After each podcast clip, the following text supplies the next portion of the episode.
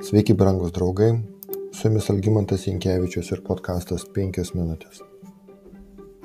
Dovydas buvo ne tik civilinis savo tautos valdovas, civilinė valdžia, bet ir viešpatės pateptasis. Dievo išrinktosios tautos vadovas ir tas, kuris turėjo palaikyti Dievo įstatymo laikymasi. Savo nuodėmę Dovydas papeikė viešpaties vardą. Todėl Dievas pasiuntė pranašą Nataną pas Dovydą kad parodytų klystančiam karaliui jo nusikaltimo mastą ir paragintų jį atgailauti. Natanas nuėjęs pas karalių pradeda pasakoti istoriją. Du žmonės gyveno viename mieste. Vienas buvo turtuolis, o kitas skurdžius. Turtuolis turėjo labai daug avių ir galvijų, o skurdžius turėjo tik vieną mažą avelę, kurią buvo nusipirkęs. Jie užaugino, jį užaugo su juo ir jo vaikais dalydavosi juo duonios kąsniu, gerdavo iš jo puoduko, glausdavosi jam ant kelių, ji buvo jam kaip duktė. Vieną dieną pas turtolį atėjo pakeleivis. Turtolis nenorėjo imti savo avies ar galvijo valgiui parengti atėjusim keleiviui. Paėmė skurdžiaus avelę ir parengė ją svečiui. Antras Samuelio 12 skyrius.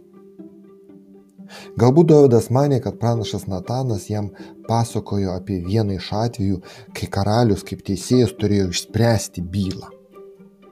Alegorija tai palėtė karaliaus teisingumo jausmą, kad akimirksniu sukėlė jo pasipiktinamą ir privertė jį paskelbti gana griežtą nuosprendį klastingam nusikaltėliui.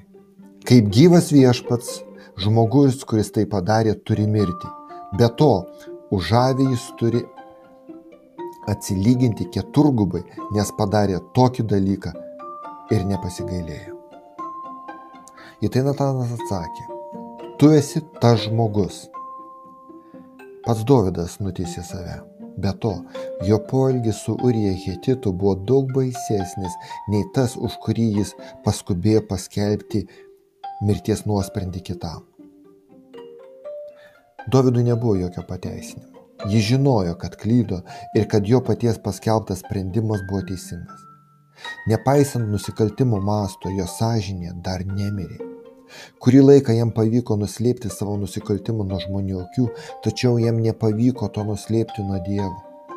Natano pasakytame palyginime viešpas leido jam pamatyti baisų įvykdytų nusikaltimo pobūdį ir priimti teisingą nuosprendį. Nesviruojantis palyginimo apie turtuolį ir avelę pritaikymas karaliui vaizduoja šventą Dievo pranašo ištikimybę ir didžiulę drąsą. Taip pasakyti karaliui reikėjo ne tik drąsos, bet ir išminties. Jei priekaištas nepaliečia karaliaus širdies, tada tai gali sukelti priekaišto išsakytojo mirtį. Natano drąsumas ir netikėtumas Išgirsti tokią istoriją sukritė Dovydą. Jis atrodo pabudo iš savo nusikaltimo būsenos. Dovydas buvo geras žmogus. Jis visada stengiasi paklusti viešpačiui. Bet jis pasidavė pagundai ir bandydamas nuslėpti savo kaltę vis, vis giliau skendo nuodėmės liūnė.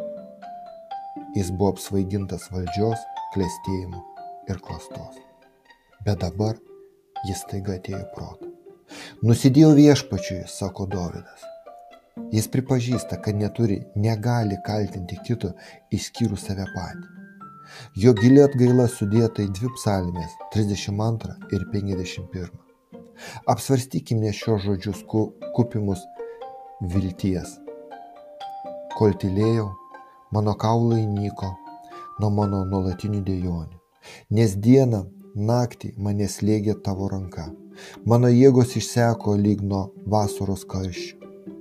Tada išpažinau tau savo nuodėmę, nebeslėpiau savo kalties. Tariau, išpažinsiu savo nusikaltimus viešpačiui. 32 psalmė. Pasigailėk manęs Dieve iš savo gerumo, iš savo begalinio gailestingumo sunaikink mano maištingus darbus. Kas kart nuplauk mano kaltę, apvalyk mane nuo mano nuodėmės, apvalyk mane įzopų, ir būsiu švarus, nuplauk mane ir būsiu baltesnis už sniegą. Nugręžk savo veido nuo mano nuodėmių ir panaikink visas mano kaltes.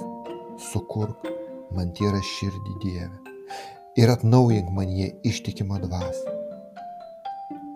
Nevaryk manęs nuo savo artumo nenuimk nuo manęs savo dvasios šventos. Leis man vėl džiaugtis tavo išganimu. Te palaiko mane dvasia. Tikrauka Dievui susigraudinusi dvasia.